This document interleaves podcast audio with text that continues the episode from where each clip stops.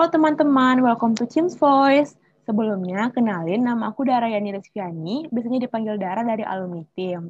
Apa kabar nih teman-teman? Semoga teman-teman semuanya dalam keadaan sehat selalu ya. Nah, di Chim's Voice episode kali ini, kita kita bakal ngebahas nih mengenai mitos ataupun fakta seputar skincare. Mungkin teman-teman semuanya sekarang banyak kan yang dalam uh, kegiatan sehari-harinya itu dia menggunakan skincare dan banyak juga kan isu-isu yang menyebar tentang penggunaan skincare ini yang kita nggak tahu kan yang mana yang benar dan mana juga yang salah. Nah, jadi di James Pass episode kali ini kita kedatangan nih alumni kita yaitu Kak Anissa Fadila dari Sekolah Batch 2004. Halo Kak Anissa. Halo. Uh, boleh Kak diperkenalkan dirinya terlebih dahulu Kak? Oh ya. Uh, halo, salam kenal. Saya Anissa Fadila, spesialis kulit dan kelamin. Uh, saya sebenarnya di Cimsa tuh mulainya 2005. Jadi saya BP 2005 sih sebenarnya, bukan 2004. Uh. Oke. Okay. Kak Anissa sekarang kesibukannya lagi ngapain, Kak? Oh ya, pandemi ya. Biasalah kalau kita cuman klinik, rumah sakit, gitu doang sih prakteknya. Uh. Oh, gitu. Jadi sekarang hmm. kita bakal ngebahas nih, Kak, mengenai mitos ataupun fakta mengenai skincare. Mungkin kita langsung aja ya, Kak, ya? Iya. Oke. Okay. Jadi pertanyaan pertama nih, Kak mitos atau fakta pelembab itu tidak hanya digunakan untuk orang dengan kulit kering? Hmm, jadi gini, kalau untuk pelembab itu sebenarnya tidak hanya untuk kulit kering. Jadi orang yang berjerawat, orang yang uh, oily pun uh, kulitnya tetap butuh pelembab. Cuman memang pelembab yang mereka butuhkan dengan orang yang berkulit kering itu berbeda jenisnya gitu. Jadi kalau misalnya nih pelembab yang di kulit kering dipakai sama orang berminyak ya akhirnya jadi makin jerawatan gitu. Gitu sih. Jadi jadi semua tipe kulit itu dia perlu menggunakan pelembab ya Kak ya? Iya, tapi memang harus yang cocok dengan jenis kulitnya masing-masing gitu. Mungkin untuk pertanyaan selanjutnya Kak, mitos atau fakta skincare itu dapat menyebabkan ketergantungan? Nah, jadi gini, kalau untuk skincare menyebabkan ketergantungan nih saya baru baru memang sering dengar ya dari pasien-pasien ya. Jadi sebenarnya gini, sama kayak rumah aja deh. Kalau misalnya kita hari ini bersihin, besok nggak kita bersihin, kira-kira kotor lagi nggak? Iya kak. Kotor lagi kan, gitu. Hmm. Jadi sama aja kayak gitu. Jadi misalnya nih sekarang kita rajin ngerawat, ngebersihin wajah dengan uh, skincare yang tepat gitu ya, dirawat terus sampai akhirnya kita ngerasa oh udah nggak ada efek nih ya udah stop aja gitu. Besoknya kusam besok ya maksudnya nggak besok sih maksudnya artinya dalam arti uh, fase dia stop skincare tuh bisa aja dia balik gitu. Balik hmm. maksudnya mulai kusam lagi atau mulai jerawatan lagi. Kenapa? Karena skincare tuh sebenarnya hanya mempengaruhi dari luar aja. Jadi kan kita uh, ingat kalau misalnya contohnya di jerawat ya let's say acne kalau acne kan masalahnya bukan hanya dari skincare, tapi juga ada pengaruh hormonal, pengaruh dari tidurnya bener apa enggak, udah gitu ada pengaruh stresnya gimana, belum lagi makanannya gitu ya. Jadi artinya eh, ketika skincare-nya di stop, faktor yang lain kan nggak kita ubah ya. Jadi misalnya dengan faktor yang disebutkan tadi, gaya hidupnya nggak diubah, kan tetap kayak gitu. Hormonalnya tetap nggak kita otak-atik gitu misalnya kan jadi kan pasti akan balik lagi jerawatnya begitu skincare-nya di stop gitu. Kira-kira seperti itulah. Oke kak. Mungkin uh, pertanyaan selanjutnya ya kak ya, mitos atau fakta sering eksfoliasi itu membuat kulit semakin semakin sehat kak? Hmm, jadi gini, kalau eksfoliasi itu kan ada bahannya macam-macam. Ada yang bahannya AHA, ada uh, BHA yang yang banyak sering dipakai itu biasanya AHA uh, untuk eksfoliasi yang daily itu ada yang uh, bisa dipakai untuk di rumah home care. Jadi biasanya itu um, berupa krim malam ya, krim malam apa krim skin di, di skincare biasanya ada uh, bahan exfoliating agent. Asalkan misalnya seperti AHA, AHA itu nggak boleh lebih dari 10%. Kalau misalnya lebih dari 10% itu nggak diperbolehkan di dalam sebuah produk skincare yang di uh, yang dipakai home care gitu. Jadi kalau misalnya lebih konsentrasinya dari yang dibutuhkan untuk uh, exfoliating sehari-hari itu biasanya harus di uh, clinical practice uh, atau artinya ke dokter. Biasanya dokter yang uh, melakukan eksfoliasi berupa peeling. Nah, peeling itu nggak boleh tiap hari kalau peeling.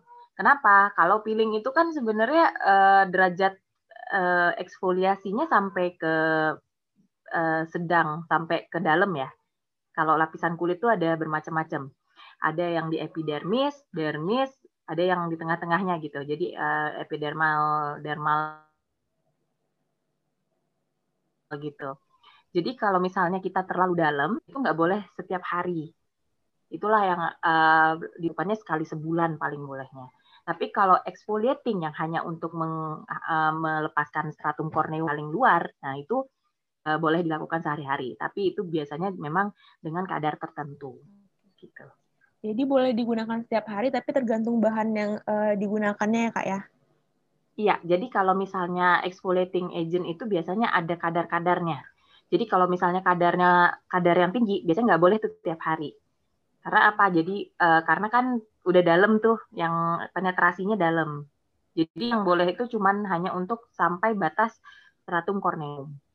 Oke, Kak. Nah, Dara juga pernah dengar nih, Kak, kalau misalnya sering mencuci wajah itu baik untuk kulit wajah. Nah, kira-kira itu mitos atau fakta ya, Kak? Hmm, jadi gini, kalau untuk kulit-kulit yang kering, kalau sering mencuci wajah, jadinya akhirnya makin kering ya. Tapi kalau misalnya, eh, jadi gini, mencuci wajahnya kalau misalnya nggak pakai sabun, sebenarnya nggak masalah. Contohnya kalau kita misalnya yang muslim ya kan biasanya cuci wajah berupa ya kayak wudhu lah ya, gitu kan lima kali sehari. Nggak kering kan wajahnya. Kenapa? Hmm. Karena memang nggak pakai sabun. Tapi kalau misalnya pakai sabun, biasanya itu mengandung bahan-bahan tertentu yang memang fungsinya uh, seperti kayak hmm, apa ya ya contohnya tadi kayak AHA tadi kan ada yang dipergunakan dalam sabun ya. Nah, kayak gitu itu bolehnya cuma 2 sampai 3 kali sehari. Jadi nggak boleh lebih dari itu. Oke, Kak. Nah, mungkin untuk pertanyaan selanjutnya, Kak, mitos atau fakta, sunscreen itu tidak dapat, uh, tidak hanya digunakan saat hendak keluar ruangan saja. Jadi, kalau misalnya dalam ruangan, apakah sunscreen itu juga harus uh, juga nggak apa-apa gitu, Kak, digunakan?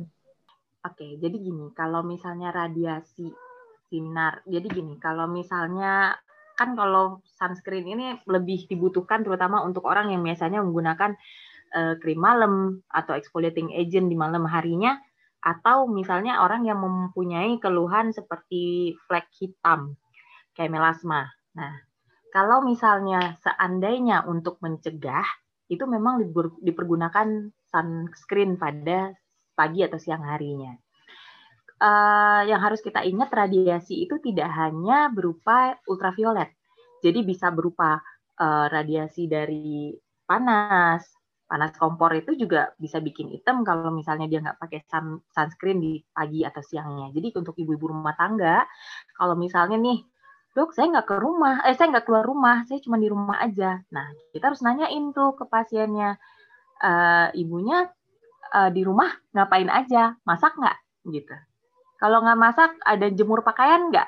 Atau ada ngapa-ngapain nggak gitu? Jadi keluar rumah itu kan nggak hanya artinya kita jalan-jalan keluar ya, tapi bisa juga dalam hal-hal aktivitas sehari-hari, misalnya mungkin jemur pakaian, bisa bisa juga misalnya kayak masak gitu ya. Kalau misalnya masak ya pasti ada radiasi panasnya yang bikin lebih hitam. Kalau misalnya dia pakai exfoliating agent di malam harinya, pasti merah-merah wajahnya jadinya. Selain itu yang perlu kita ingat, ada visible light radiation yang biasanya dari sinar lampu itu juga bisa.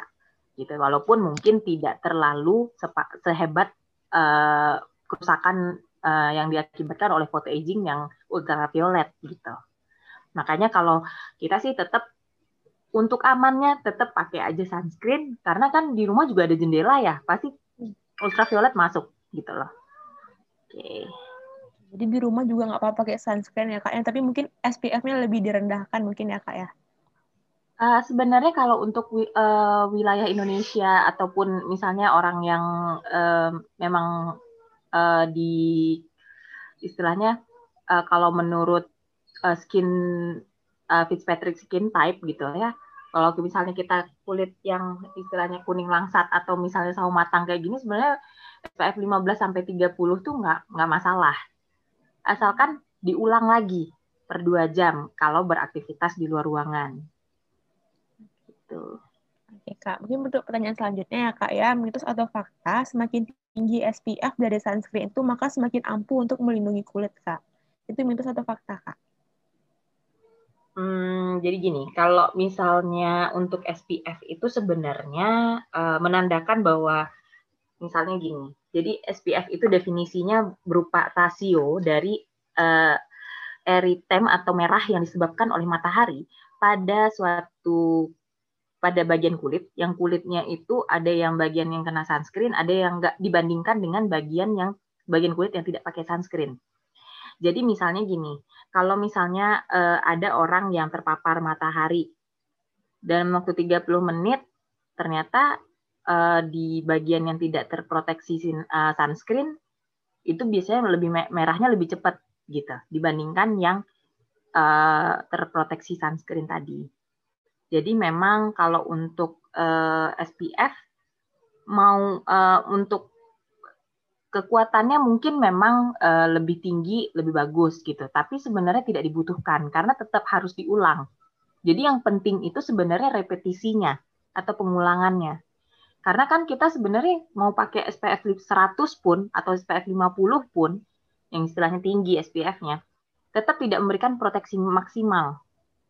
Karena akan kan kita memang uh, ada keringatnya, ada minyaknya, pasti uh, proteksi dari sun, uh, eh, SPF yang kita uh, sunscreen yang kita pakai pasti berkurang. Jadi tetap harus diulang per dua jam. Mau pakai SPF berapapun. Kalau aktivitasnya banyak di luar ruangan ya. Gitu. Jadi uh, SPF berapapun juga uh, tetap perlu diulang lagi ya kak ya penggunaannya selama dua jam sekali ya kak ya. Iya. Mungkin untuk pertanyaan selanjutnya kak, um, ini mitos atau fakta skin skincare itu dapat membuat kulit menjadi sehat secara instan kak? Hmm, kalau menurut saya sih itu mitos ya, karena kalau skincare-nya benar, nggak akan bisa instan. Nggak akan bisa instan. Perlu dicatat. Orang Indonesia tuh biasanya pasiennya tuh tipikal yang suka, dok, lama banget. Dok, saya pengen cepet. Nggak bisa. Nggak bisa kalau misalnya skincare ya, skincare-nya benar tapi kalau misalnya skincare-nya benar, justru harus hati-hati. Misalnya nih hari ini pakai, besoknya udah kinclong, udah putih, putihnya udah putih banget gitu loh. Ya itu tuh biasanya harus dicurigai. Apa sih sebenarnya kandungannya? Apakah mengandung steroid? Apakah mengandung um, haki yang tidak disesuaikan oleh dokter kulit atau yang tidak dianjurkan dokter kulit gitu atau mungkin penggunaannya pakai merkuri. Nah, itu yang kita harus hati-hati. Jadi jangan tergiur sama yang instan. Semuanya itu butuh komitmen. Pasti kalau misalnya memang uh, dirawatnya uh, terus-menerus, komitmen ya jangka panjang pasti akan ada hasil. Gitu. Cuman memang harus sabar. Itu pasti kalau skincare yang benar begitu gitu. Jadi kalau misalnya skincare-nya hari ini pakai besok langsung kinclong, nah itu harus hati-hati. Biasanya gitu.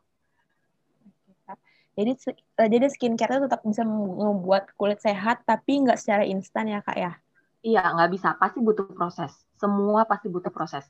Untuk eksfoliasinya ada pasti dua minggu. Biasanya dua minggu penggunaan skincare itu pertama-tama kalau misalnya dari uh, yang mengandung exfoliating agent ya, itu biasanya uh, efeknya pasti agak ngelupas dulu, geromet-geromet dulu gitu. Ada fase seperti itu biasanya di dua minggu pertama. Tapi dua minggu sampai enam minggu pertama ya terutama.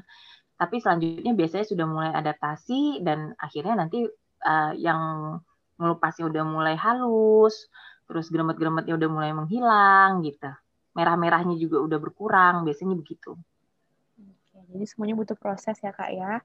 Uh, mungkin kita lanjut aja ke pertanyaan selanjutnya ya kak ini mitos atau fakta produk anti aging itu hanya digunakan saat sudah menginjak usia 30 sampai 40 tahun, Kak? Hmm, jadi kalau kalau untuk uh, jadi gini, kalau misalnya produk anti aging itu baru uh, jadi sebenarnya anti aging ini sebenarnya um, tujuannya kan untuk menghambat penuaan. Kalau menurut histologi, histologi itu sebenarnya kan yang kita lihat dari selnya ya, sel kulit. Sel kulit itu menurut textbook itu biasanya udah menunjukkan perubahan di usia dekade 3. Jadi umur-umur 30 tuh udah mulai kelihatan perubahan dari dermal epidermal junctionnya, udah mulai ada perubahan, udah mulai penuaan. Jadi kalau untuk mencegah tidak digunakan di usia 30-an pastinya. Jadi sebaiknya mungkin uh, di usia 20-an udah mulai pakai-pakai yang uh, skincare gitu. Jadi tujuannya untuk mencegah supaya penuaannya nggak muncul dini. Di usia 30 kan kecepatan itu kalau mau istilahnya jadi penuaan di umur 30-an ya kan terlalu cepat gitu. Jadi memang kalau untuk pencegahan di umur 20 udah boleh dipakai kok.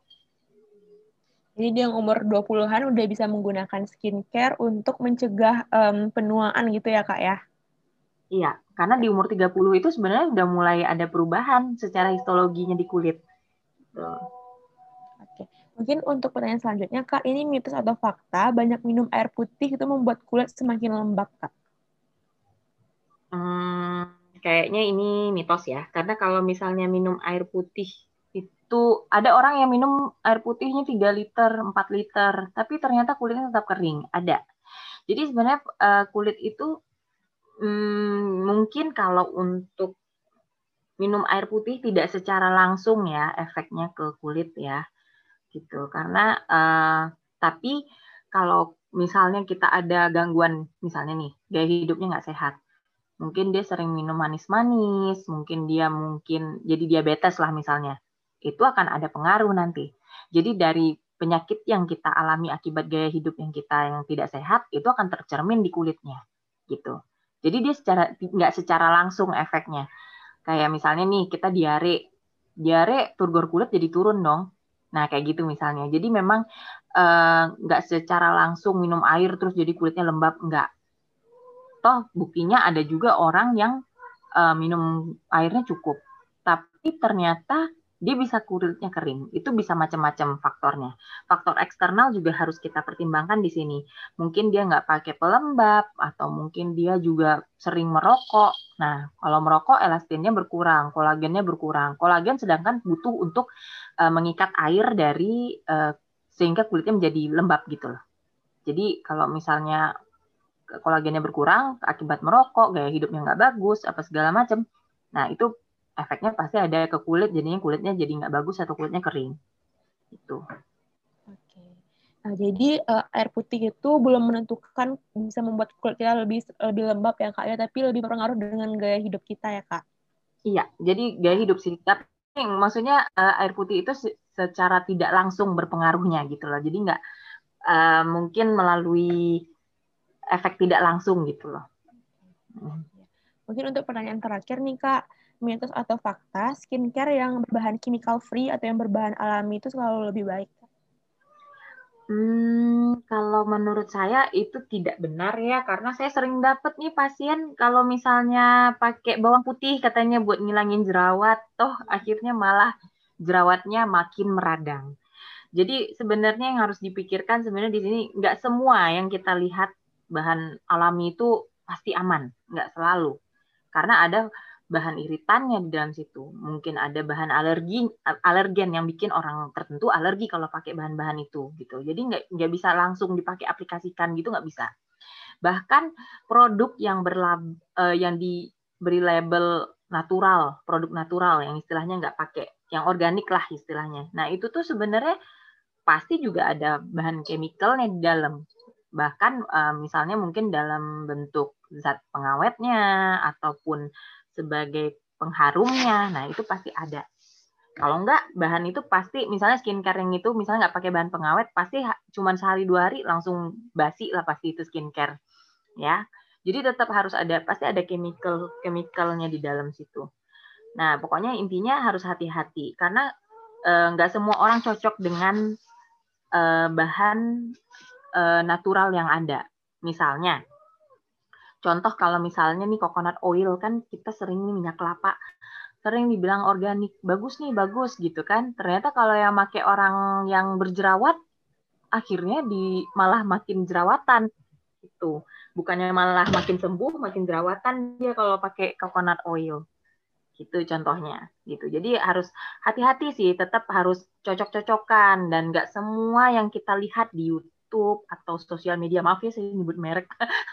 Jadi misalnya banyak nih yang sering iklan-iklan kan endorse endorse nah hati-hati. Tidak semua yang cocok di orang cocok di kita. Nah itu yang harus kita harus hati-hati gitu loh. Jadi semua skincare itu tuh cocok-cocokan ya kak ya?